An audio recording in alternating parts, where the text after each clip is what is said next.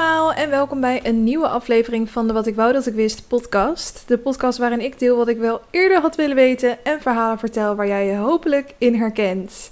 De aflevering van deze week is uh, ja, toch wel een redelijke throwback, want we gaan kijken naar de allerbeste, slechtste programma's uit de 90s Zero's voor kinderen. Want mocht je nog niet weten, ik kom uit de 90s. Ik ben in 93 geboren. Dus ik was 7 jaar toen we de Zero's ingingen. Dus ook daarin uh, zit een groot deel van mijn jeugd. En um, ja, als je terugdenkt aan je kindertijd, dan is er toch altijd wel een soort verbindende factor. En dat zijn toch wel die kinderprogramma's. Op een of andere manier word je daar echt helemaal in meegezogen op zo'n moment. Kon ik ook echt van gaan dromen. En uh, het was iets waar je het met vriendinnetjes op school over had. Of je die middag daarvoor die aflevering van Totally Spice had gekeken. Um, en het was ook gewoon, denk ik, een hele andere manier dan dat onze ouders met programma's omgingen. Want misschien was het toen nog veel lastiger en waren nog niet alle programma's er die je natuurlijk had toen wij kind waren. En de generatie van nu, als ik kijk naar mijn kleine neefjes en nichtjes, die kijken allemaal zelf dingen op YouTube of zo, hoe speelgoed wordt uitgepakt. Of ja, af en toe kijken ze ook nog wel zo'n programma. Uh, en dan denk ik niet eens op tv, maar op een soort Disney Plus-achtig platform of zo. Wat dan echt meer animatie voor kinderen is. Maar ik denk dat de manier waarop wij uh, en dan heb ik het even in de wijvorm over mensen die in mijnzelfde leeftijdscategorie vallen. Hoe wij vroeger naar kinderprogramma's keken, dat je dat gewoon nooit meer op diezelfde manier terug gaat, krijgen. Gaat krijgen. Dus dat is best wel. Ja, voor mij is het super nostalgisch om het met mensen van mijn leeftijd te hebben over de programma's die vroeger op tv waren. Omdat het echt wel blijkbaar gewoon een best wel groot deel van je leven is geweest. Dus het leek me wel leuk om uh, die programma's eens door te gaan nemen. Ik heb ook op mijn Instagram gevraagd aan jullie van wat zijn nou programma's die jij altijd als kind of begin tiener keek. Um, wat vond je echt de allerleukste programma's? Wat vond je de stomste programma's? Wat zijn programma's die eigenlijk echt niet meer kunnen tegenwoordig? Dus in het hoofdonderwerp gaan we daar uh, wat uitgebreider op in. Dus hopelijk levert je het bij jou wat uh, oh ja momentjes op. En ik ben benieuwd of de dingen die ik noem, die ik heel leuk vond, of dat ook jouw favorieten zijn bijvoorbeeld. Dus dat komt verderop in de aflevering. Zoals altijd doe ik altijd eerst eventjes een terugblik op mijn week. Um, wat heb ik afgelopen week allemaal gedaan? Uh, nou, opnieuw best wel veel aan het werk geweest, maar in het weekend gelukkig ook nog een beetje tijd vrij kunnen maken voor wat uh, leuke dingen. Afgelopen vrijdag was namelijk At Night. Dat is een evenement in Amsterdam waarbij alle mediabureaus en reclamebureaus hun uh, deuren openen voor publiek. Um, het is wel een bekend ding in de mediawereld waar ik de afgelopen jaren ook veel heb gewerkt. En um, het is überhaupt gewoon heel erg ja, het, zijn altijd van die bureaus die wel heel veel moeite doen op zo'n avond. Dus het is niet alleen dat je dan een beetje kan netwerken en kan praten met mensen die bij zo'n bureau werken. Um, wat natuurlijk ook heel handig kan zijn voor contacten. Maar het is ook wel een manier om een soort van. Ja, er is een soort concurrentiestrijd terwijl tussen van wie zet de leukste experience neer. Dus eigenlijk is bij elk bureau waar je die avond langskomt, staan gratis drankjes voor je klaar. Is er dus een open bar. Soms is er karaoke of uh, silent disco. Of echt, ja, echt van alles wordt uit de kast getrokken. Natuurlijk ook om jou naar die locatie toe te krijgen. Want je krijgt mijn partijtje een lijst met bureaus waar je op zo'n avond naartoe kan. Ik denk misschien wel 50, 60 of zo. Um, en die zitten dus verspreid door heel Amsterdam. En ja, je kan er niet heel veel. Uh, je kan niet bij heel veel bureaus langs op één avond. Want het is van 6 tot uh, 11 uit mijn hoofd. En daarna kan je dus nog wel naar de afterparty toe als je daar een ticket voor hebt. Dat hadden wij helaas niet. Maar goed, um, het is als het goed is ook zo leuk bij die verschillende locaties dat je er max 5 op een avond doet. Dus ik had er vijf uitgestippeld. Ik ging samen met mijn vriend op pad op de fiets. En um, nou, we begonnen ongeveer in de houtavonds, mocht je bekend zijn in Amsterdam. En uiteindelijk zijn we via Amsterdam-West meer in de baarsjes terechtgekomen. En we zijn uiteindelijk tot drie gekomen in plaats van vijf, want ze waren toch wel erg leuk. We zijn begonnen bij um, Popcorn Stories, heet dat. Dus die, die naam is voor mij wat minder bekend. Uh, en dat zit dus meer in de houthavens. Was wel heel erg leuk. Ze hadden daar dus ook een karaokebar. En ik had daar voor het eerst een espresso martini op in een potje. Ik, uh, hij, hij noemde ze op wat ze allemaal hadden. En toen zei hij, ja, we hebben ook espresso martini. Dus ik zei, nou, doe dat maar. En hij pakt dus gewoon zo'n klein potje. Eigenlijk ter grootte van waar normaal schoensmeer in zit, zoiets. Um, en hij, hij doet er een ijsklontje in en uh, geeft het aan mij. En ik zei echt zo, wat moet ik hiermee doen? Toen zei hij, ja, dat is, uh, dat is nieuw. Dan kan je gewoon een ijsklontje erin doen en dan schudden. En dan vanzelf gaat het een beetje schuimen. En dan krijg je dus echt het effect van een espresso martini. En je kan het gewoon daaruit drinken. Ja, er stonden wel meer mensen stonden daar zo gewoon. Want het was, het was um, best wel hoog. Dus je had een heel mooi dakterras. En op dat dakterras stonden wel meer mensen met zo'n potje in hun handen. Nou, ik vond het echt heel grappig. Uh, dus dat ook weer meegemaakt. En je kon daar zo ook een t-shirt laten bedrukken. Uh, er stonden van die, mensen die aan het safe drukken waren. Dat had ik nog nooit eerder gezien. En überhaupt ook niet zelf gedaan natuurlijk. Dus dat mocht je dan op je eigen t-shirt drukken. En dat was dan het logo van uh, verven. En dat zit dan ook weer in datzelfde pand volgens mij. Dus ook nog gratis t-shirt meegekregen. De volgende locatie was De Speld. Dat is natuurlijk wel een bekende naam. Dus we waren heel erg benieuwd ja, wat, wat, hoe dat überhaupt eruit zag waar die mensen werkten. Waar het hoofdkantoor van de speld, hoe ziet dat eruit? Want ja, het is natuurlijk best wel een random merk of zo met alle uitingen die zij hebben. Um, en toen kwamen we aan bij gewoon een, een rijtjeshuis. Midden in de straat in... Ik bedoel niet een rijtjeshuis, gewoon echt zo'n typisch Amsterdams appartement. Het was ook nummer 24D of zo. Dus ik dacht, hè? Moet dan echt gewoon zo'n trappenhuis op en nou, dat was dus ook zo. Het voelde echt alsof je een huis binnenstapte. Ik had ook het idee dat alle mensen die om hen heen woonden, dat het ook geen bedrijfpanden waren, maar dat het gewoon woningen waren. Uh, misschien woont de eigenaar er zelfs wel naast, ik weet het niet. Maar dat hoofdkantoor van de Speld, uh, de indeling was ook gewoon echt zoals een. Um, in ieder geval, je zag aan de originele indeling wel dat het een huis was geweest met gewoon een keukentje en een badkamer en dergelijke. Alleen hadden ze het dan dus een beetje omgegooid zodat, en allemaal bureaus erin geplaatst, waardoor het dus um, ja, het kantoor van de speld was geworden. Maar wel heel grappig, ze hadden ook van die borden staan waar je dan je hoofd doorheen kan steken en een foto kan maken. En er stond er daarbij van, um, uh, haha, wij komen, mensen denken dat we hier komen om te netwerken, maar we komen eigenlijk alleen voor de gratis drank of zo. Wat natuurlijk best wel typerend is voor at night. Um, maar goed, daar hebben we nog Step Stunt Piloot gespeeld. Echt heel random. Salmari was een sponsor, dus we hebben ook nog Salmari shortjes gedaan. En toen zijn we uiteindelijk nog doorgegaan naar um, Team 5PM. Dat is een YouTube agency. En daar kende ik nog mensen, want vroeger uh, zaten heel veel mensen die daar nu werken. Die werkten bij RTL MCN.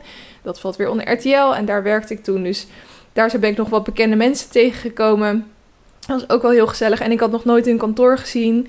En dat was echt uh, heel groot. Zij zijn echt verzesvoudigd of zo in een aantal jaar. En zitten nu ook uh, in Scandinavië en in Zuid-Afrika. Um, ja, dus daar ook wat leuke mensen ontmoeten. Daar was dus ook een silent disco.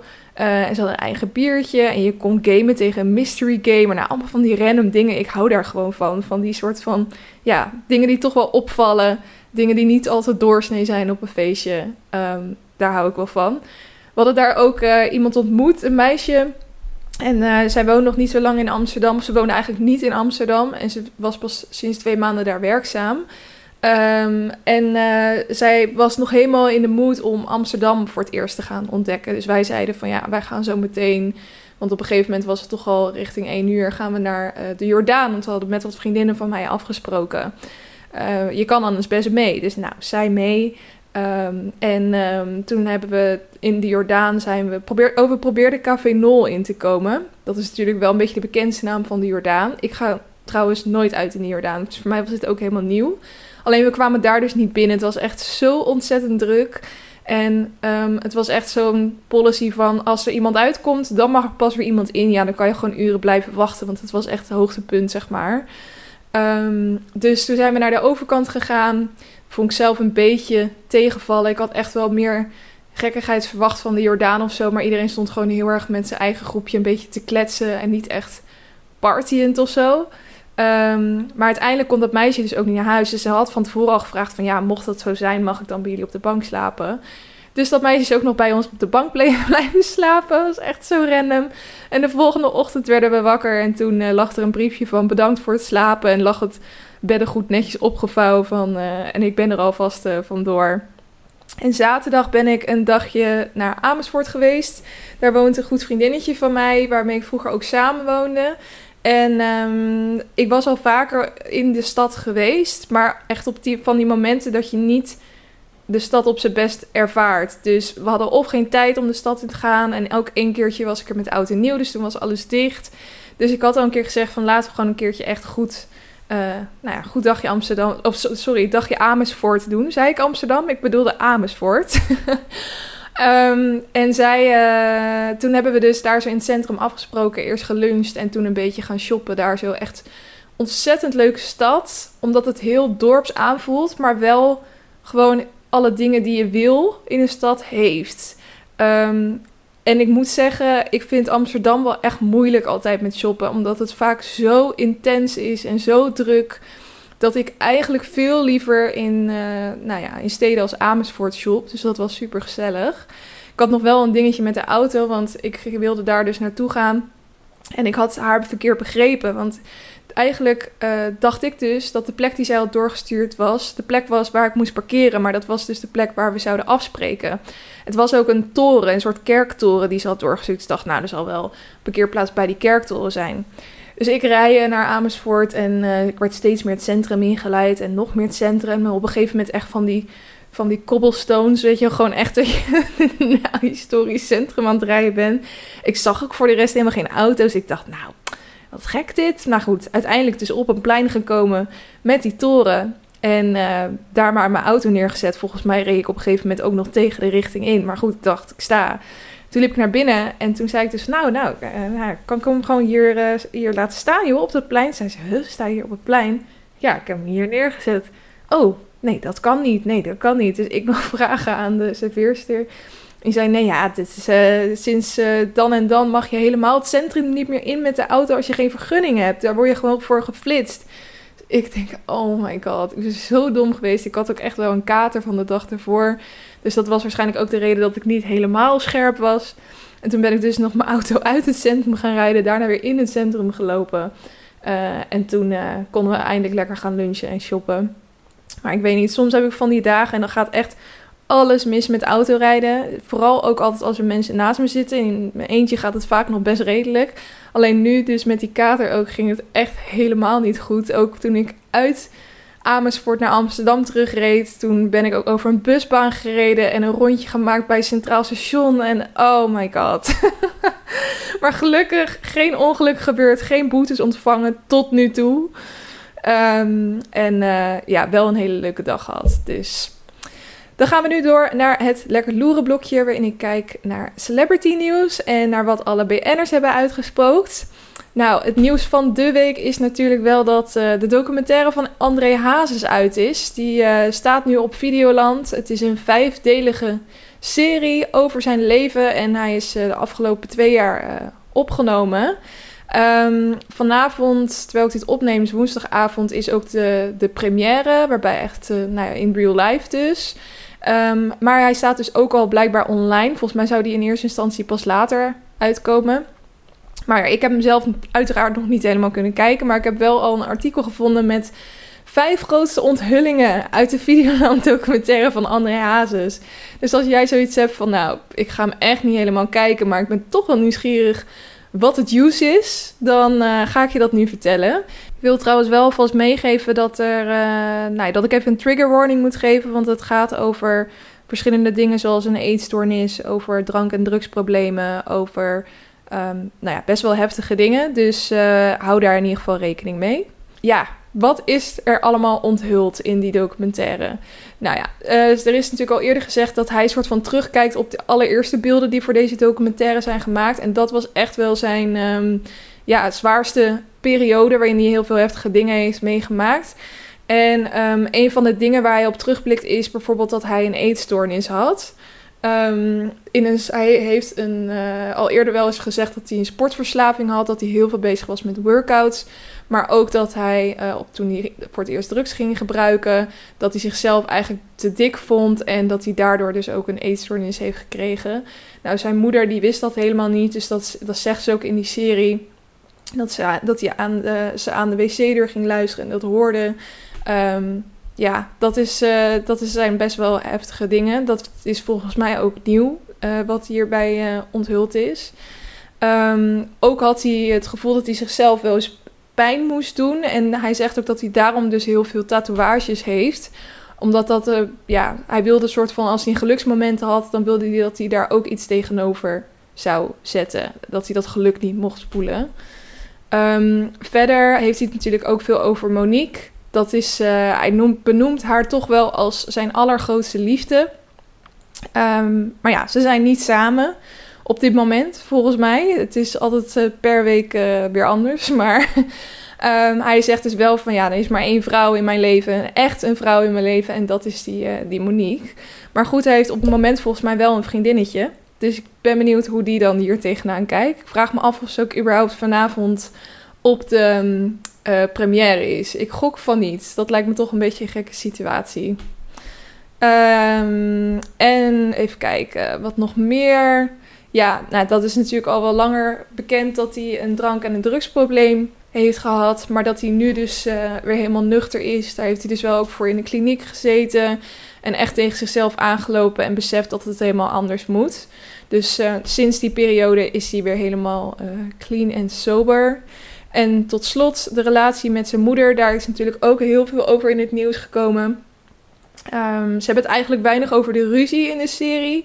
Maar wel over het moment dat ze elkaar weer in de armen vlogen. Dus uh, ze willen waarschijnlijk gewoon heel erg positief insteken. Uh, dus ze hebben het vooral over dat stukje dat ze dus nou, toevallig elkaar eigenlijk weer tegen het lijf aan, aan lopen. Um, en dat ze nou ja, toch zijn gaan bijpraten en het daar dus ook weer hebben bijgelegd. Dus um, ja, dat waren de grootste onthullingen van de serie. Dan gaan we door naar een andere serie en dat is Special Forces VIP's. Daar heb ik uh, bij het vorige seizoen ook al wel een aantal dingen over gezegd, want ik heb dat wel graag gekeken destijds. Uh, mocht je het niet kennen, het is een programma waarbij uh, verschillende BN'ers eigenlijk een week lang door toch wel een behoorlijke hel gaat. Want ze krijgen de allerzwaarste training uh, nou, van hun leven waarschijnlijk. Um, en echt hoe de special forces getraind worden. Um, heb ik het idee in ieder geval. Misschien is het iets aangezet voor tv. Maar ik heb het idee dat het wel echt zo heftig is in het echt ook. En het is dus uh, de vraag welke BN'ers um, hun eigen grenzen over durven te gaan. En wat hebben ze aan elkaar? En hoe ver gaan ze? Wie overwint zichzelf? Dus um, ja, daarom vond ik vorig seizoen ook echt wel heel erg interessant. Er zat ook Gabi Blazer in, zo iemand waarvan je toch denkt van... hoe ver gaat hij het schoppen? Uh, maar ook wel echt een paar mensen die me compleet uh, verrast hebben. Uh, ook Gabi overigens. Maar ik zal eventjes met je delen welke mensen er dit seizoen in zitten.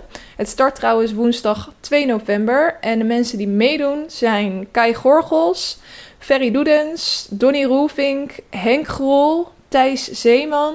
Denzel Slager, Mark Schaaf, Marianne Timmer, Mariska van Kolk, Sylvia Geersen en Ouassima Taimout. Ik hoop dat ik dat goed uitspreek. Dat is een uh, presentator, die ken ik eigenlijk zelf niet. Maar um, ja, best wel weer een flink lijstje met mensen waarvan uh, ik heel erg benieuwd ben hoe ver ze het allemaal gaan schoppen. Ik vind het ook leuk dat Kai Gorgels erin zit. Die was vandaag trouwens ook nog in het nieuws vanwege zijn uh, Men's Health cover. Um, hij heeft zich echt kapot getraind afgelopen zomer om uh, daarvoor een goed lichaam te kweken. Ik kreeg dat ook wel een beetje mee in de podcast die hij met Monica Geuze heeft. Dan hadden ze het wel eens over eten en over de dingen die hij niet kon eten. Dus ik denk dat het wat dat, wat dat betreft voor hem uh, een heel goed moment was om aan dit programma mee te doen. Want hij had al best wel wat spieren opgebouwd. En toen werd hij waarschijnlijk voor dit programma gevraagd. Dus ik denk dat hij het misschien nog best wel gaat, ver gaat schoppen. Want ik denk ook dat hij mentaal wel sterk is. Um, Ferry Doedens ben ik ook wel heel erg nieuwsgierig naar. Donny Roelvink, die heeft nog best wel in de kreukels gelegen door dat ongeluk. Dus ik vraag me ook af wanneer dat dan is opgenomen. Misschien was hij dan toch al wel redelijk hersteld daarvan. Uh, en Denzel Slager, ja, die is natuurlijk van Love Island en die heeft nu een relatie met Femke Louise. En die is ook net papa. Nou ja, wel interessante namen allemaal. Ik, uh, ik ben benieuwd. Um, ja, wat ik dus zei, er zijn elf deelnemers en woensdag 2 november is het bij Videoland te zien. Dan nog even heel sad nieuws wat ik afgelopen week zag. Uh, en dat is dat Hagrid is overleden. Als we het dan hebben over kinderseries, kinderfilms, valt het toch ook wel een beetje in. Nou vind ik het niet echt volledig een kinderfilm. Want ik vind dat je het ook echt nog wel, als, als je ouder bent dan een kind, dat het dan nog steeds fantastische films zijn, Harry Potter films. Maar goed, ik koppel het natuurlijk wel automatisch heel erg aan mijn kindertijd. Um, ja, en Hagrid is overleden, zo sneu. Uh, hij heet in het echt Robbie Coltrane. En um, nou ja, natuurlijk heeft elke lid van de cast van Harry Potter een, ja, foto's gepost met hem. En uh, tekstjes, hele mooie tekstjes. Um, Daniel Radcliffe die heeft ook gepost dat hij uh, dat gewoon een van de grappigste personen was die hij ooit heeft ontmoet. En dat hij altijd voor zorgde dat die kinderen vermaakt werden. Dus ook op het moment dat ze urenlang in de regen zaten, gingen ze dan allemaal schuilen in de hut van Hagrid. En dan ging uh, Hagrid allemaal verhalen vertellen en, en, en, grapjes maken. Om hen maar een beetje positief uh, te houden. Dus het was eigenlijk een soort oom voor hun ook. En um, ja, ontzettend sneu dat hij, uh, hij is, overleden. Er is niet bekendgemaakt, um, of in ieder geval, ik kan dat zelf niet vinden, waaraan hij is uh, overleden. Alleen dat hij dus 72 jaar was en dat hij in Schotland, waar hij vandaan komt, is overleden. Um, dus ja, dat. Rest in peace, Hagrid. um, en tot slot, echt een heel random nieuwtje, maar ik zag dit voorbij komen en ik dacht, ik vind het gewoon te grappig om niet te delen. Um, dus uh, zeg ik dat goed? Te grappig om niet te delen? Ja, nou, ik wil dat gewoon heel graag delen. um, Ed Sheeran, die uh, is namelijk vrienden met Sam Smith. En Sam Smith die was jarig volgens mij. In ieder geval heeft Sam Smith een cadeau gekregen van Ed Sheeran. Uh, en dat cadeau is een marmeren penis van bijna drie meter lang. Besef even hoe lang 3 meter is, hè? En hij weegt dus 2 ton. Um, ja, en Sam Smith heeft dus in uh, een talkshow gezeten. En daarin heeft hij dus verteld dat hij dat, dat cadeau heeft gekregen. En hij zegt daarin ook van ja, ik dacht gewoon echt dat het een grap was. Maar het is dus echt zo. Ja, en hij moet er nu toch iets mee. Dus hij gaat er waarschijnlijk een fontein van maken. Um, waarbij het water dus nou uit de penis komt, denk ik. Um, ja, en het bijzondere is nog wel dat hij dus ook zegt...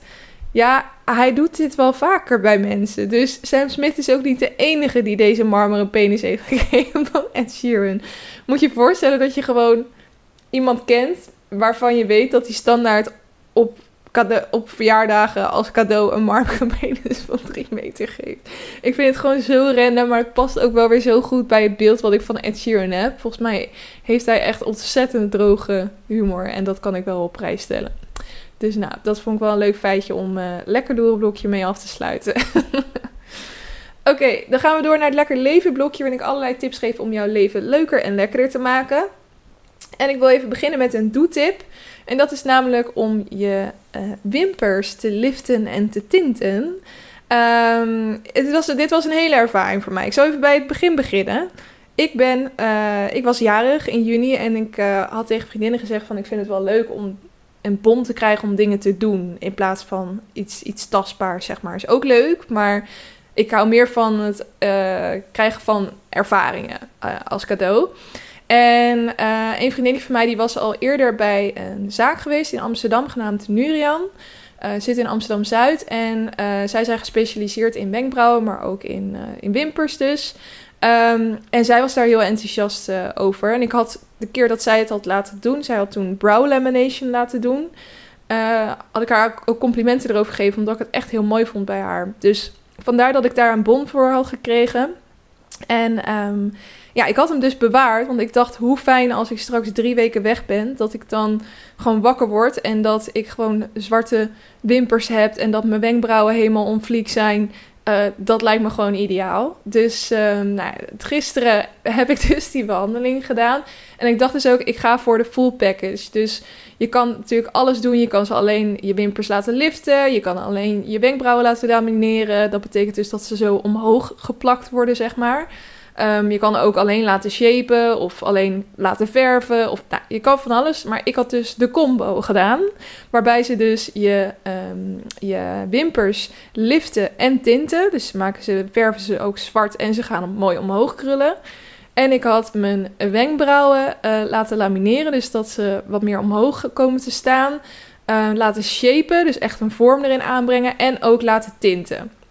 Nou ik kwam daar zo aan en uh, ik mocht in de stoel gaan liggen. En nou, er werd uitgelegd van, we gaan je wimpers en je wenkbrauwen gaan we tegelijkertijd uh, liften en lamineren. Dus um, je krijgt dan een, een, spulletje wordt op aangebracht, waardoor eerst de haartjes heel zacht worden. En dan komt er een tweede spulletje op en dat zorgt ervoor dat ze in de juiste richting gaan staan. En dan gaat er nog een derde op. Nou, prima. Alleen wat er dan is wel gebeurd is, zeker wanneer je wimpers laat doen, dan moet je dus je ogen dicht doen en dan plakken ze iets op je ooglid. En daar kammen ze dan je wimperhaartjes overheen, waardoor um, nou ja, ze die serums en zo aan kunnen brengen zonder dat het in je oog komt. Maar omdat het natuurlijk best wel een behoorlijk proces was, met ook mijn wenkbrauwen erbij, heb ik denk wel drie kwartier daar met mijn ogen dicht gelegen. En het was zo'n rare ervaring, want op een gegeven moment werd er ook um, uh, degene die mij hielp, werd overgenomen. Dus dan moet je je voorstellen terwijl je ogen dicht hebt aan iemand. en uh, je hebt niet, je weet, je hebt geen grip op wat er om je heen gebeurt. Dus ze probeerden af en toe wel uit te leggen van, oh, ik ga nu dit doen, ik ga nu dat doen. Maar ja, ik had ook het idee dat ze geen zin had om alles te narraten. Dus dan voelde je opeens iemand aan je ogen zitten en dan moet je ze maar dicht houden. En nou, op een gegeven moment kreeg ik gewoon een beetje claustrofobisch gevoel. En misschien merkte ze het aan me, misschien doet ze het altijd, maar ze ging toen mijn hoofdhuid masseren. Nou ja, als, je moet één ding over mij weten, dat is echt, dat ik echt niet van massages door vreemden hou. Ook bij de kapper, als je dan je haar laat wassen en ze gaan dan je hoofdhuid masseren. Ik voel zeg maar dat de sensatie fijn is. Alleen ik ben te bewust van het feit dat dit een vreemde persoon is die... Ik heb dan het idee dat ik dan moet gaan laten merken dat ik het fijn vind of juist niet. Of ik word daar helemaal ongemakkelijk van. En ik voelde me dus al, ik zat al helemaal, ik had al een soort claustrofobisch gevoel. Um, omdat ik een uur lang mijn ogen dicht aan het houden was. En toen ging zij ook nog me basteren. En nou ja, ik, weet niet. Ik probeerde gewoon heel erg om mezelf rustig te houden. Want ik wilde ook natuurlijk het effect niet verpesten van uh, die hele behandeling. Wat ik wel bijzonder vond, is terwijl ze bezig was um, met, met alles. Uh, vroeg, ze vroeg alleen aan mij of ik mijn uh, wimpers, of ik die bruin of zwart wilde laten verven. Dus ik had gezegd zwart. Maar ze had het niet gevraagd over mijn wenkbrauwen. Want ik had het idee dat je, ik dat samen met haar zou doen. Dat we in de spiegel een soort een kleur zouden uitkiezen die dan mooi paste. En op een gegeven moment toen... Uh, zij, toen haalde ze dingen van mijn gezicht af. En toen zei ze: Oké, nou, we zijn bijna klaar. Dus ik zei: Oh, zijn mijn wenkbrauwen dan al geverfd? Ja, ja, die heb ik al geverfd. Toen dacht ik: Oh. ik ben heel benieuwd hoe dat eruit ziet. En uiteindelijk kreeg ik dus die spiegel voor en ik schrok me helemaal dood. het was zo heftig. Mijn wimpers waren echt heel mooi gekruld en inderdaad donker gemaakt. Maar mijn wenkbrauwen waren echt twee slakken gewoon op mijn voorhoofd geplakt. Echt super dik, super donker. Voor de rest had ik natuurlijk ook weinig make-up op. Dus ik, ik, nou, ik, ik, het is echt een beetje lullig. Maar ik zat al zo, oh mooi. En hoe lang blijft dit dan zitten? ik kan ook zo slecht acteren wat dat betreft. Uh, ja, zeker twee weken wel de kleur dan. Hè? En voor de rest, um, de lift en lamineren en whatever, dat blijft allemaal wel uh, zes tot acht weken zitten. Maar die kleur gelukkig niet al te lang. En ze zei van ja, je kan het dus 24 uur niet nat maken. Dus toen dacht ik wel, oh kut. Dus ik heb een meeting die ik gistermiddag had, heb ik verzet. en uh, ik heb vandaag thuis gewerkt en zoveel mogelijk meetings, um, ja, toch, toch via Teams zeg maar. Had ik het idee dat je het iets minder kon zien. En toen uiteindelijk die 24 uur voorbij waren, heb ik dan dus een beetje lopen poetsen bij mijn wenkbrauwen. En nu ziet het iets minder heftig uit. Maar ik had ook een foto naar vriendinnen doorgestuurd van, nou, sorry, dit kan toch niet? Dan kunnen ze me zo die zaak uit laten gaan. En zij zeiden allemaal van, oh joh, dit heb ik altijd. Als het net gedaan is, is het heel heftig. Maar moet je niks van aantrekken. Het wordt hartstikke mooi, bla bla bla. En ze hebben ook wel gelijk. Dus het, het was even wennen aan het idee. Maar achteraf gezien ben ik er toch heel erg blij mee. Dus vandaar dat ik hem toch even in het Lekker Leven blokje wilde tippen als doetip. Als je dit nog nooit hebt ervaren. Uh, het is een ervaring. maar het is wel mega chill dat ik niet over mijn wenkbrauwen of wimpers na hoef te denken de komende drie weken. Um, en eigenlijk als je wakker wordt heb je gewoon al een best wel ja, sprekende blik. En dat vind ik wel echt heel nice eraan. Um, dus ik zou sowieso de Lash Lift en Tint aanraden. En als je het aandurft, dus ook de Brow Lamination tinten en shapen. Um, maar als je denkt, nou dat vind ik toch wel erg heftig, dan kan je natuurlijk ook gewoon vragen of je een beetje of ze hem wil shapen en heel lichtjes wil inkleuren bijvoorbeeld. Ik denk dat ik ook gewoon niet duidelijk genoeg gecommuniceerd heb. Ook omdat ik zoiets had van, zij zijn de experts, dus zij weten precies wat ze moeten doen en wat er dus mooi staat bij mij. Dus ik had misschien ook wel expres niks gezegd, maar daardoor was het surprise effect wel redelijk groot. maar goed, tot zover over mijn, uh, mijn uh, wenkbrauw- en uh, wimperervaring. Dan wilde ik nog een andere doetip geven. Want ik heb afgelopen weekend een winkel ontdekt. En dat is de Normal. Ik weet niet of je normal of de normal zegt. Maar het is gewoon letterlijk het woord normaal in het Engels. en ik kende die winkel nog helemaal niet. Het zit blijkbaar echt in heel veel grote steden in Nederland. Bij, ik was er nu dus in Amersfoort geweest. Maar er zit er blijkbaar ook eentje in Amsterdam. Um, maar ik denk dat ik daar gewoon altijd langs ben gelopen, omdat het gewoon heel erg lijkt op de etels. Qua producten heeft het ook vooral skincare, haircare, gewoon alles, alle dingen die je normaal voornamelijk bij de etels vindt of bij de kruidvat. Alleen wij bleven daar zo een beetje hangen bij de vitrine, omdat er allemaal dingen uitgestald stonden die ik herkende van TikTok. Dat ik dacht, hé, hey, dat heb ik op TikTok gezien, dat heb ik op TikTok gezien. Er stond dan ook zo'n bordje bij met uh, as seen on TikTok. Dus ik helemaal uitleggen aan een vriendin van mij, want die zit nooit op TikTok of überhaupt op social media. Ja, dit is daarvan en dat werkt daarvoor en dat werkt daarvoor. Dus op een gegeven moment stonden we zo lang door dat glas heen te kijken dat we zoiets hadden van oké, we gaan wel naar binnen. Nou, ik denk dat we zeker een half uur in die winkel hebben doorgebracht. Het was super groot, zo ontzettend veel producten en echt de gekste dingen. Je kan het zo gek niet bedenken. Een, uh, een maskertje voor je kin, uh, voor je borsten, voor je, buik. Uh, wat je, allemaal gekke make-up soorten en, en, en, en speciale dingetjes waarmee je die make-up weer kan aanbrengen, waar je mee je gezicht weer kan reinigen. En dus ook al die viral dingen van TikTok, allemaal daar te koop. Ook allerlei merken um, qua huidverzorging, qua haarverzorging die je niet bij een etels en kruidvatten hebt, die hebben ze daar dan weer wel. Ik vond het zo insane. Echt zo ontzettend leuk, die winkel. Dus ik wilde dit toch eventjes tippen. Mocht je altijd er langs zijn gelopen, net als um, dat ik altijd heb gedaan. Uh, denkende dat het gewoon een variatie op de etels was. Nee, je moet echt eventjes daar naar binnen. Want het is insane wat voor spullen ze daar allemaal hebben. Uh, en het is heel verleidelijk om helemaal los te gaan. Uh, wij zeiden ook tegen elkaar van... Oh, ik heb zo zin om weer zo'n uh, middelbare schoolachtige beautyavond met film te hebben, weet je wel, wat je toen altijd deed. Um, want je hebt dus overal gewoon skincare of maskertjes voor. Ja, het is fantastisch. Ik wil weer terug. Dan een uh, kooptip. En dit is wel echt een hele bougie kooptip. Maar ik wil het gewoon eventjes noemen. Dat ik de nieuwe iPhone heb. En ik ben er zo blij mee. Sinds gisteren. Het was nog even spannend of die dus op tijd voor mijn vakantie binnen zou komen. Maar uh, hij is gisteren gekomen, de iPhone 14 Pro Max. En um, ja, echt insane wat een verschil dat maakt. Want ik heb nu de iPhone 10 en die werd toch wel heel erg langzaam. Dat ik eh, toch wel een paar seconden moest wachten voordat een app opende. Dat klinkt heel weinig, maar uh, als je zoveel met je mobiel doet op een dag, is dat wel echt veel. En um, de camera is echt een enorm groot verschil. Met deze kan ik nu gewoon in het donker een foto maken. En ik zie het nog beter dan met mijn eigen ogen. En um, ja, je hebt ook een uh, sikke functie erop met video. Waarbij die hem volledig stabiliseert. Dus als je gewoon gaat hardlopen ergens, dan maakt hij dus gewoon een smooth video ervan. Ja, ik kan echt vette dingen gaan fotograferen en video's van maken straks in Amerika. En daar kijk ik ontzettend naar uit. wel heel veel gedoe gehad met installeren, want ik had weer te weinig ruimte voor een backup op mijn oude telefoon. Toen kon ik mijn inlog niet vinden voor mijn wachtwoorden app en toen moest ik alles handmatig over gaan typen. Nou, het was enorm veel gedoe.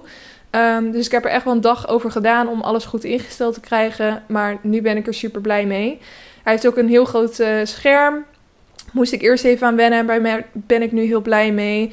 Hij heeft een soort handige bar bovenin. Misschien heb je dat wel in de presentatie van, van Apple gezien als je dat hebt gekeken. Of misschien in aankondigingsberichten. Maar bijvoorbeeld op het moment dat Spotify wordt afgespeeld, dan komt er een heel klein balkje bovenin te staan. Terwijl je dus in de andere apps bezig bent, waardoor je heel makkelijk je muziek aan en uit kan zetten. En nou, uh, ik ben helemaal blij ermee. Je kan allemaal coole achtergronden doen met widgets en was gewoon weer uh, tijd. En ik vond dat ik het ook wel naar mezelf kon verantwoorden vanwege mijn beroep.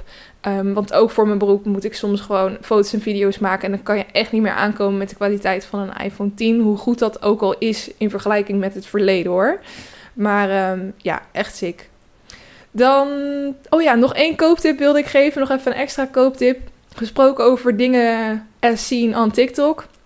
Er is blijkbaar uh, de panty van TikTok. Als je veel op TikTok zit, dan weet je over welke ik het heb. Het is een panty die uh, niet te breken is. het is een panty waarbij aan de binnenkant een uh, legging van huidkleur zit. En aan de buitenkant zit er dus een zwart pantylaagje overheen. Dus het lijkt dan, als je die aan hebt, alsof je gewoon alleen een dunne panty over je been hebt aangetrokken. Maar eigenlijk zit er een huidkleurige legging onder. Dus hij is super lekker warm en hij uh, scheurt dus bijna niet. Er is echt geen ladder in te krijgen. Um, dat laat ze ook heel erg zien in die filmpjes. Maar als je, hem dan, als je dan doorklikt naar die advertenties dan kost het toch al snel iets van 30 euro. En nu zag ik dus ook op TikTok dat hij voor een tientje verkrijgbaar is bij de kruidvat. Dus ik had het naar een vriendinnetje doorgestuurd die hem ook had gespot. En zij zei, oh, nou gelijk eventjes kijken. Dus die uh, is vanmiddag uh, langs geweest en die heeft hem daar zo gevonden.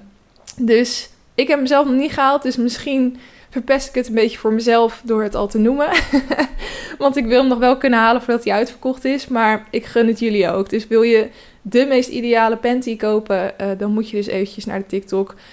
Uh, dan moet je dus eventjes naar de kruidvat bedoel ik. En vragen naar die ene panty van TikTok. Dan uh, weet ze hem vast te vinden als hij niet al uitverkocht is. Oké, dat waren alle tips uit het Lekker Leven blokje dan gaan we nu door naar het hoofdonderwerp. En we gaan het lekker hebben over allemaal kinderprogramma's. Zoals ik in het begin al zei, uh, tv was toch wel een hoogtepunt in mijn, uh, mijn jeugd. Um, ik vond dat echt een magisch ding. En alle dingen die erop te zien waren. En um, misschien heeft dat ook wel aan bijgedragen met waar ik uiteindelijk terecht ben gekomen allemaal. Ik uh, vond dat echt altijd fantastisch. En mijn ouders moesten er wel een beetje bij wegslepen. Um, gelukkig ook wel heel buiten gespeeld. Maar ik weet wel dat mijn moeder altijd zei als ik dan iets te lang tv keek van... Uh, nou, ga naar buiten, je krijgt vierkante ogen. En ik geloofde dat dus ook echt. Dat je, als je lang genoeg naar een vierkant scherm staarde... dat je dan vierkante ogen zou krijgen. Terwijl ik niemand kende met vierkante ogen. Maar goed. Um, alsnog wel ook veel programma's met mijn ouders gekeken. Ik denk dat je zo een beetje begint misschien wel. Of misschien eerst met paartekenprogramma's. Maar Um, ik vond het altijd wel heel erg leuk. Ik vond me altijd heel stoer als ik als klein kind, klein meisje bij mijn ouders op de bank mee mocht kijken met programma's. En er waren natuurlijk vaak ook wel van die programma's die dan um, voor de hele familie geschikt waren. Dus bijvoorbeeld het en in de lucht vond ik echt mega leuk. Zo'n random programma ook, dat mensen gewoon een soort karretje moeten bouwen en dan maar moeten zien um, hoe ver ze komen. Maar zo simpel kan het zijn om een goed programma te bouwen. Geen idee of dat nu nog op tv is. Een paar jaar geleden zag ik nog wel een, een denk ik, een um, herhaling ervan. Of dat was weer een nieuw seizoen. Maar wat mij betreft mogen ze dat gewoon weer terugbrengen. Even kijken, wat was er nog meer? Ja, de Soundmix Show was natuurlijk fantastisch. Achteraf gezien um, weet ik dat er best wel veel BN'ers van nu bekend zijn geraakt door hun deelname aan de Soundmix Show.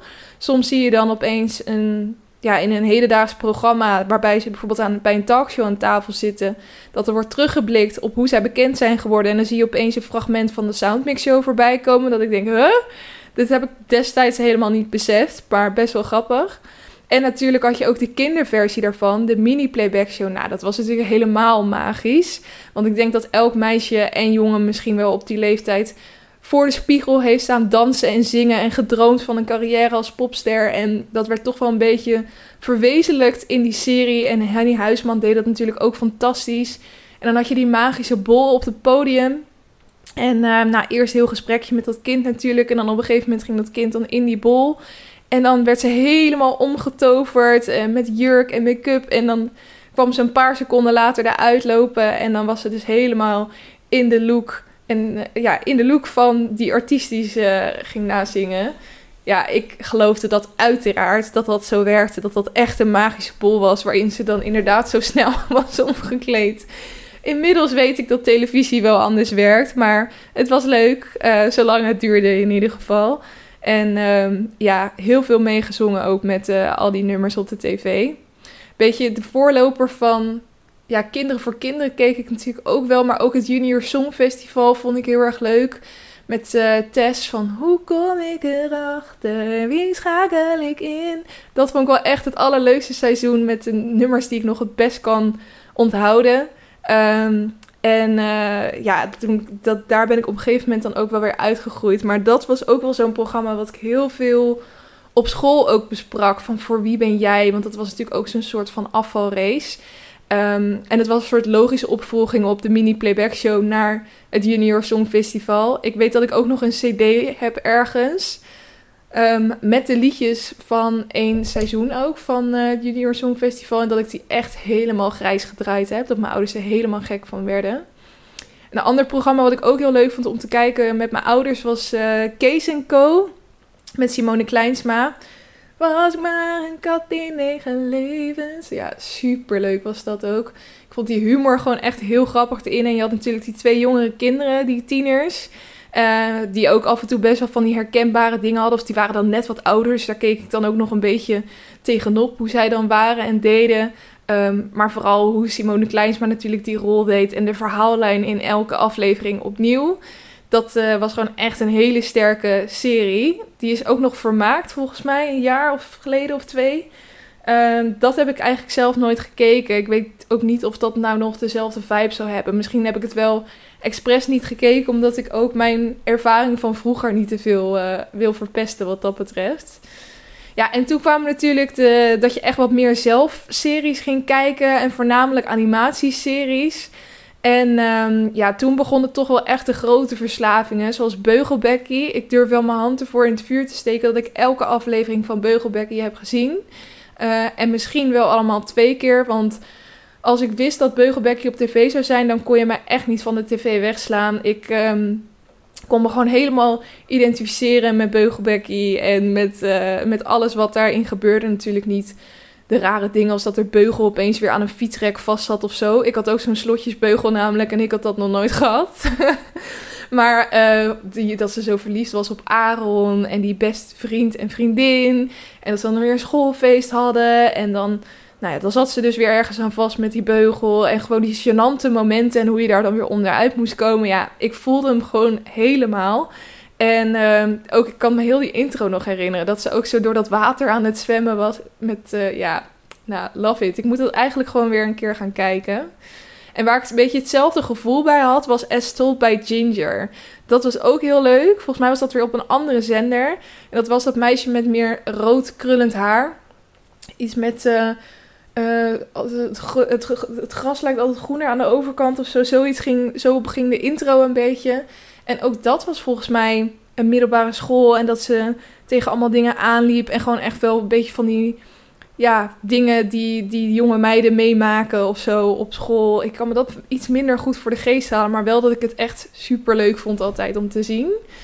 En um, Totally Spice, ja, dat was wel het programma op mijn basisschool waarvan ik wist, elk meisje uit mijn klas kijkt daarnaar. En als dat tv was geweest, dan wist ik ook, de volgende dag gaan we het hier sowieso over hebben. En uh, ja, het was ook wel echt een iconisch programma met Whoop en met al die gadgets die ze hadden. Die waren zo insane dat je dat make-up doosje had wat open ging, wat dan, waar dan weer een tool in zat. Of ze hadden die riem die dan uitschoot en dan kon zichzelf omhoog trekken aan een gebouw. En ook daarin had je natuurlijk weer soort rollenpatroon. Dat Clover was dan echt de jongensgek en Alex was dan weer meer wat stoerder. En nou, zo hadden ze allemaal gewoon hun eigen ding. En dat winkelcentrum, nu heb ik ook weer helemaal zin om naar Amerika te gaan. Want de, gewoon die American Mall, dat is toch ook gewoon een experience die je een keer gehad wil hebben in je leven. En zeker door dat programma, want ze waren altijd aan het hangen in dat winkelcentrum. En dan werden ze opeens weer gewoept in een prullenbak. En dan zaten ze weer bij Jerry op de bank en dan kregen ze weer een, uh, een, opdracht. Heerlijk programma was dat ook eigenlijk. En uh, Rocket Power vond ik ook wel heel erg leuk. Dat waren natuurlijk weer wat jongere figuren. En die, um, ja, dat, ook daarvan denk ik weer van, oh, daar gaan we straks ook zijn. Want dat is op de pier in uh, eh, LA. Dus heb je natuurlijk zo'n hele pier waar dan ook die skatebaan op zit. En dat is wel een beetje waar het om draait. Waar ook dat, uh, dat café zit, dat restaurant. Uh, wat volgens mij van de vader van een van die figuren is. En dan, ja, ik vond het gewoon heel erg leuk dat dat zo'n hechte vriendengroep was. Dan dacht je, oh, dat is ook leuk om, om te hebben. En dan, ik had altijd wel in mijn eigen jeugd gewoon echt van die vriendinnengroepjes. Maar je had ook mensen die hadden dan zo, ja, die waren dan cooler in mijn ogen. Dan hadden ze jongens en meiden bij elkaar. En dan gingen ze inderdaad skaten na school of zo. En uh, dat, dat, dat kon ik wel ja, op prijs stellen door dat programma ook. Omdat ik zag hoe leuk dat was. En hadden ze ook zo boogity, boogity, boogity met die vingers bij elkaar. Dat is nog steeds wel eens iets wat ik gewoon random zeg om te kijken of iemand dat nog terug kan refereren naar Rocket Power. Dan weet je ook een beetje met wat voor mensen je bent. Super grappig. Oké, dan had ik ook nog wat favoriete ehm, programma's die niet animatie waren. Uh, bijvoorbeeld Dunja en Daisy. Dat waren dan van die, uh, van die hartsvriendinnen van twee verschillende culturen. En um, dat vond ik gewoon heel erg mooie vriendschap tussen hun twee. Maar ook omdat ze allebei, nou vooral uh, Daisy was best wel feisty natuurlijk. En het leverde ook wel eens een beetje issues op. Dus hoe zij dat dan weer oploste en ook een beetje met jongens omgingen en zo, dat vond ik allemaal heel interessant om te kijken. Ik had trouwens ook uitgevraagd welke programma's tegenwoordig echt niet meer kunnen. Toen had iemand ook Doenja en Daisy genoemd. En toen zat ik wel terug te denken van, heb ik dan destijds iets, iets gemist van... Want je keek toen natuurlijk met de blik van toen naar programma's. Alleen ik kan ook weer niet zo goed herinneren hoe elke aflevering ging... en wat voor dingen erin voorkwamen, dat ik dat helemaal kan plaatsen. Maar het zou best wel kunnen dat dat inderdaad tegenwoordig niet meer kan. Um, dus Doe je aan Daisy vond ik heel leuk. Maar Zoep heb ik ook bijvoorbeeld heel veel gekeken. Dat was het programma dat zich in een dierentuin afspeelde. En dan um, ja, ging het een beetje over de drama tussen alle jongeren die werkten in die dierentuin. En dat waren ook allemaal verschillende figuren. En ook heel veel uh, acteurs die nu nog steeds wel bestaan. Of die inmiddels wel wat anders zijn gaan doen misschien. Maar wat wel echt heel, uh, ja, heel leuk was om te zien altijd. Nicolette van Dam speelde daar natuurlijk ook in. En um, voor mij was dat wel de eerste keer dat ik haar volgens mij leerde kennen. En die is natuurlijk, nu natuurlijk nog steeds best wel een grote BN'er. En uh, ja, nog meer mensen. Volgens mij ook diegene die nu met Carolien Spoor is getrouwd. Die, dat is die jongen met die krulletjes. Dat is ook een bekende uit Soep. En voor de rest heb ik natuurlijk ook heel veel goede tijden, slechte tijden gekeken. En onderweg naar morgen vond ik heel erg leuk.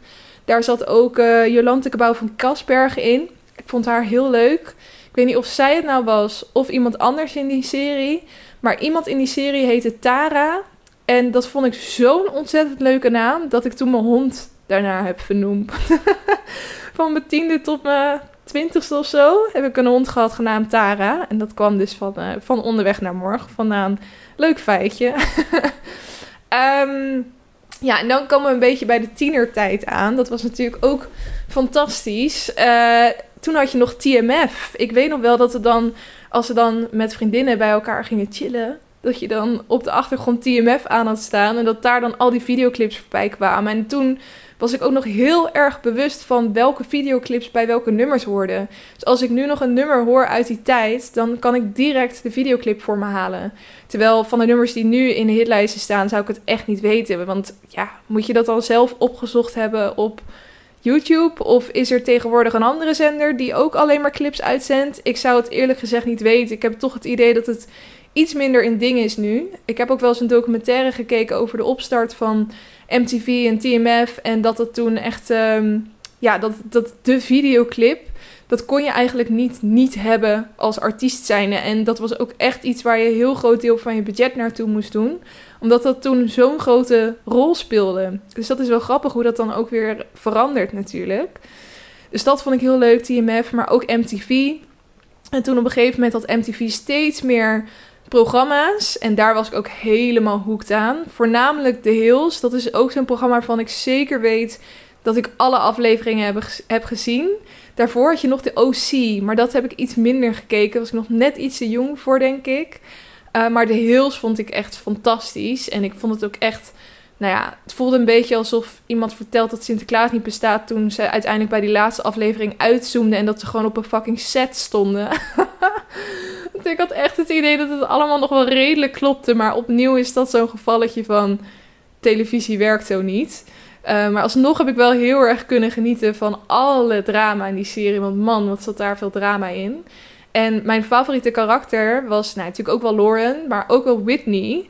En op een gegeven moment had Whitney toen haar eigen serie gekregen. Dat heette The City. En dan ging ze in een stad werken bij een, um, uh, bij een modelabel, volgens mij. Of bij een tijdschrift, een van die twee. Maar echt zoiets wat ook in een Zero's chick flick film, chick flick film zou kunnen zitten. Um, toen had, werkte volgens mij iedereen bij een tijdschrift of bij een modelabel. had ik het idee. Um, en toen zat, had Lauren had daar dan weer een klein rolletje in. Want die zat dan bij haar. Die kwam voor haar werken in haar team of zo. Zoiets kan ik me nog herinneren. Dat vond ik ook wel heel erg leuk.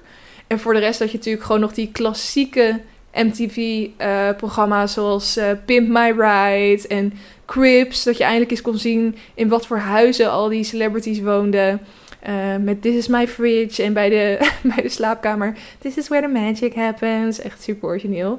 Oh, My Sweet 16 vond ik ook fantastisch. Van die veel te rijke meiden die dan een belachelijk groot feest kregen. En dan alsnog gingen huilen omdat ze de verkeerde, verkeerde kleur cabrio had gekregen van hun ouders.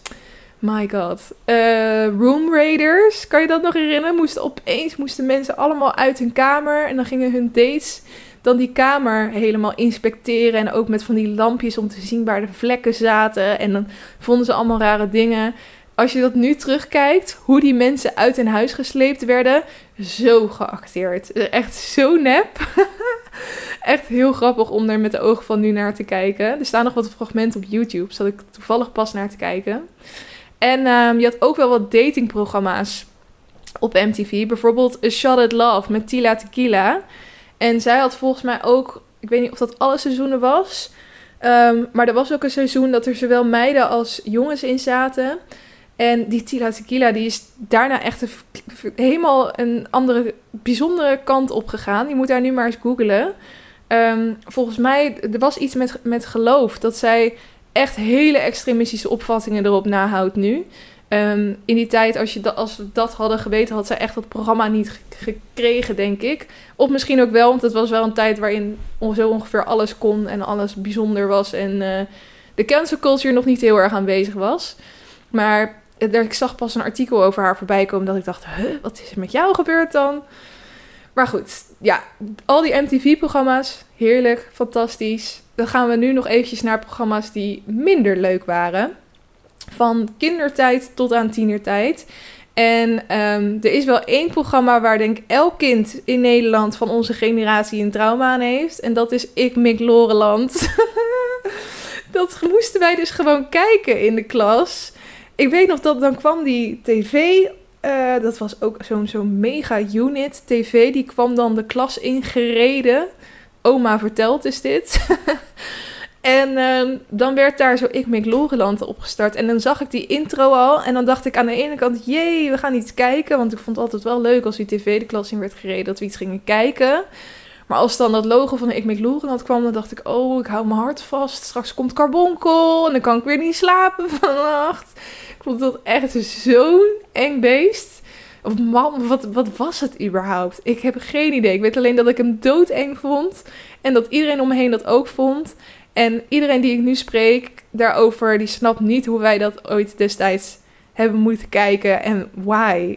Er zal vast ook wel iets educatiefs in hebben gezeten. Maar dat kan ik me dan niet meer herinneren. Dat is niet blijven hangen. Maar wel hoe eng ik Carbonkel vond. Je had ook een programma met... Um, hele enge roze muizen die dan in een kooi leefden. En dat heette Wizzy en Woppie. Nou, echt draag me weg. Ik vond dat zo verschrikkelijk. En toch keek ik ernaar. Ik had wel zoiets van. Want het, het was ook. Soort, het, het, hoorde schattig te zijn. Alleen je moet ze nu nog maar eens een keer opzoeken. Wizzy en Woppie. Ze zien er echt heel eng uit. Het is echt expres gedaan hoe zij hun hebben opgemaakt en zo. Je kan. Het is echt moeilijk om een, muisje eng te maken. In ieder geval, je kan het heel makkelijk schattig maken, laat ik het zo zeggen. En ze hebben daar dus expres niet voor gekozen. Waardoor ik kreeg altijd een beetje een raar gevoel toen ik dat keek. Dat Wizzy en Woppie en ook al die andere figuren daarin. Nee, had ik het helemaal niet mee. En um, Cat Dog. En iemand had die ook ingestuurd uh, onder de noemer van dat vond ik niet leuk. En er stond dus haakjes achter grimmig. En ik vind dat echt de perfecte omschrijving voor dat programma. Ik kan me niet eens meer precies voor me halen waar dat nou door komt. Volgens mij gingen er ook wel eens dingen dood of mensen dood of er waren, gewoon vieze, rare dingen. Ik, ik weet het niet meer. Maar gewoon überhaupt ook dat je zo'n beest had. Wat aan de ene kant had een kat. Aan de andere kant een hond. Je had het heel schattig kunnen maken. Maar ze maakt het echt heel naar in dat programma. En ik weet niet waarom je dat precies zou doen als kinderprogrammamaker. Misschien juist hiervoor. Dat ik het dan jaren later er nog over heb. Maar wel op een negatieve manier. Dus ik weet niet waarom mensen dit soort programma's maken. Ik vond het een beetje apart. Deze werd ook nog ingestuurd. Angela, of ik weet niet eens hoe heel het programma heet, maar het bericht kwam als Shoobidoobidooappa, mijn naam is Angela. en er stond bij, sorry, dat heb je nu vast in je hoofd. Dus inderdaad, dat heb ik in mijn hoofd. En nu heeft iedereen die dit luistert het ook in zijn hoofd. Um, dat had ook iets raars. Het was, denk ik, het zat er maar denk ik in dat haar hoofd los van haar lichaam bewoog. En dat maakt het gewoon een beetje creepy om naar te kijken. Een beetje een soort horrorfilmachtig. En ook al die poppetjes waren ook volgens mij allemaal 2D. Dus als ze zich omdraaiden, dan was het een soort papiertje of zo. Hele rare manier van tekenen. Ook wel weer opvallend daardoor. Maar nou, ik voelde hem niet helemaal. En misschien doe ik hier zo mensen mee pijn, maar SpongeBob vond ik ook totaal niet leuk. Vond ik ook raar en een beetje eng. En dat lachje vond ik echt bijna duivels van SpongeBob. En ehm, ook andere figuren daarin. Nee, nee, had ik het ook totaal niet mee met SpongeBob. Mijn vriend heeft dat echt heel veel gekeken. En ook vrienden van mij, vriendinnen van mij. Uh, dus als ik dat zeg, dan word ik altijd gelijk afgeschoten. Maar nee, SpongeBob was ook niet mijn ding. En dan tot slot nog de categorie kan echt niet meer. uh, Chin Chen. Ja, dat is wel degene die ook het meest genoemd werd. Um, ja, die had natuurlijk uh, die gelden op zijn op lerares. En uh, die betrapte zijn ouders op seks. En die trok zijn onderbroek naar beneden. En dan deed hij de billendans. En het kwam volgens mij ook uit Japan. En um, daar, Japan staat wel om bekend dat ze vrij bizarre programma's maken. Uh, en dat dit het überhaupt heeft gered naar Nederlandse tv, vind ik al heel knap. Maar ik vond het ook wel weer leuk, want voor de rest had je weinig programma's, kinderprogramma's, waarin je wat meer de Japanse cultuur zag. Dus dat vond ik wel heel erg tof eraan.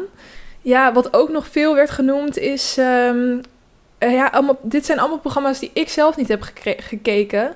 Maar ik weet wel dat heel veel andere mensen er uh, bijzondere herinneringen aan hebben. Dat is Purno de Purno, Rembo en Rembo en Theo en Thea. Ik heb er wel eens fragmentjes van gezien.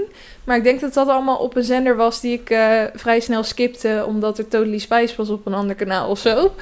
Maar um, daar hebben heel veel mensen ook... Uh, ja, ik heb wel eens fragmenten gezien. Dat gaat ook heel erg ver. Het is eigenlijk gewoon volwassene humor gepropt in een kinderprogramma. Hopende dat die kinderen het niet doorhebben en de ouders moeten lachen. Zo komt het een beetje op mij over, al die programma's. Ja, en wat ook nog wel werd genoemd is dat Idols, zeg maar de oldschool versie van Idols, was super leuk om te kijken. Maar al die, um, die ja, nu, nu ligt natuurlijk echt wel de nadruk op ook uh, mentale gezondheid. En de manier waarop die mensen, ze kwamen helemaal hoopvol naar die, die auditiestudio toe. En um, je zag dan helemaal hoe ze zich klaarmaakten. En ze, ze vertelden dat ze zich al jaren daarna uitkeken. En dan stonden ze daar en dan begonnen ze me toch vals te zingen. Ja, en op de bank ga je dan wel een beetje meegrinniken. Maar het bijzondere was dat heel die jury ook gewoon ze keihard uit zat te lachen. En daarna snerende opmerkingen naar ze maakte. Waardoor die mensen bijna huilend die kamer uit, uh, uitliepen. En ook mensen waarvan je dacht, ja, dit, dit, moet je ze gewoon niet aandoen. Er moeten ook mensen zijn die deze mensen in bescherming nemen. En met de nieuwe versie van Idols waren ze ook wel, wel iets liever. Um, maar uh, ja, ik denk ook dat we dat niet meer op tv te zien krijgen. Dat het toch allemaal iets lieflijker is. Al was het ook, ja, het was harde humor, maar ik kon er toch ook wel een beetje smakelijk om lachen. En daar schaamde ik me dan ook wel weer een beetje voor. Maar het was ook wel een beetje gewoon. Het doet me bijna denken aan internetgekkies compilatie. Weet je wel, dat je gewoon, mens, eh, gewoon de, de bijzonderheid van bepaalde mensen ervaart. En dat, uh, maar ja, het was ook heel pijnlijk voor hun. Dus ik, het kan niet meer. Het kan echt niet meer. Maar het was soms wel grappig. en um, Groeten uit de Rimboe werd nog genoemd. Nooit bij stilgestaan destijds. Maar kan ook echt niet dat een Nederlands gezin bij inheemse stammen ging wonen. En dan eventjes ging benadrukken hoe slecht het er allemaal geregeld was. En um, waar ze het allemaal niet mee eens waren. En hoezo? Hoezo gingen we daar allemaal Nederlandse groepjes naartoe sturen die daar een mening over moesten hebben? Laat die mensen lekker met rust. Oh, oh, oh. Nou, Sinterklaasjournaal spreekt natuurlijk voor zich. Alle Sinterklaasfilms en dergelijke. Ook bizar dat we daar nooit destijds bij stil hebben gestaan of er nooit naar hebben geluisterd. I don't know wat daar is misgegaan. En, um, oh ja, die andere had ik gezegd, Purno, Purno, Rembo, Rembo, TOT, ja. Uh, bijzondere tijd voor tv-programma's ook wel toen. Zo zie je ook maar weer dat tv-programma's meegroeien met ja, waar de samenleving naartoe gaat. En ik denk dat als je nu naar kinderprogramma's kijkt, dat je dan alweer een hele andere ervaring hebt dan die wij hebben gehad. Uh, enerzijds natuurlijk ook door de manier waarop nu naar kinderprogramma's wordt gekeken, maar ook wel de inhoud, gok ik. Um, en ik, ik vind het ook wel weer jammer dat ik dat helemaal mis of zo. Omdat eerst was ik zo erg op de hoogte. Ik wist bijna de complete uitzendtijden van elk programma, van elke zender uit mijn hoofd. Weet je, zover ging het bijna. En op een gegeven moment dan ben je daar dan toch helemaal uitgegroeid. En is er weer een generatie na jou die weer compleet andere ervaring heeft met kinderprogramma's en tienerprogramma's. En dat zij titels noemen later, dat je denkt, nou, ik heb geen idee waar jij het over hebt. En um, daarom is deze aflevering denk ik ook wel echt voor een specifieke groep mensen interessant. Dus Mocht jij die generatie zijn, dan hoop ik dat je heel erg genoten hebt van deze aflevering. En uh, ja, een leuke trip down memory lane, memory lane hebt genomen met mij. Um, ik vond het in ieder geval echt heel erg leuk om uh, eventjes al deze herinneringen op te halen. En uh, ja, even terug te brengen bij al die programma's. En ik heb nu ook gewoon zin om ze allemaal te gaan kijken. En het chillen is dat de meeste waarschijnlijk ook nog wel met één of twee afleveringen op YouTube staat. Zodat het ook nog wel, uh, wel mogelijk is. Um, heel erg bedankt voor het luisteren weer naar deze aflevering. Het is een lekker lange geworden. Uh, en dat is misschien wel fijn, want de aankomende drie weken zal er geen aflevering zijn. Omdat ik dan dus in Amerika zit. Heel erg veel zin in.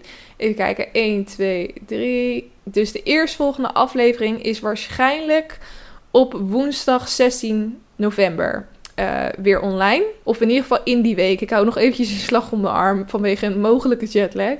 Maar uh, dan kan je in ieder geval dan dus weer een aflevering van mij veranderen, uh, verwachten. Rond 16 november. Dus uh, ja, nogmaals bedankt voor het luisteren naar deze aflevering. Um, mocht je nog leuke tips hebben voor Amerika, we gaan naar Las Vegas, naar LA, naar San Francisco. En dan langs heel de westkust ook weer omhoog. Um, dus heel erg bedankt als je daar leuke tips voor hebt. Ik zal af en toe ook nog wel eventjes een story plaatsen op mijn Instagram-account. Wat ik wou dat ik wist podcast heet ik op Instagram. Uh, om jullie een beetje op de hoogte te houden van hoe het daar allemaal is. Maar tot die tijd uh, heel veel uh, plezier met alles wat je gaat doen komende drie weken. En dan spreek ik je daarna weer. Dus tot dan. Doei doei.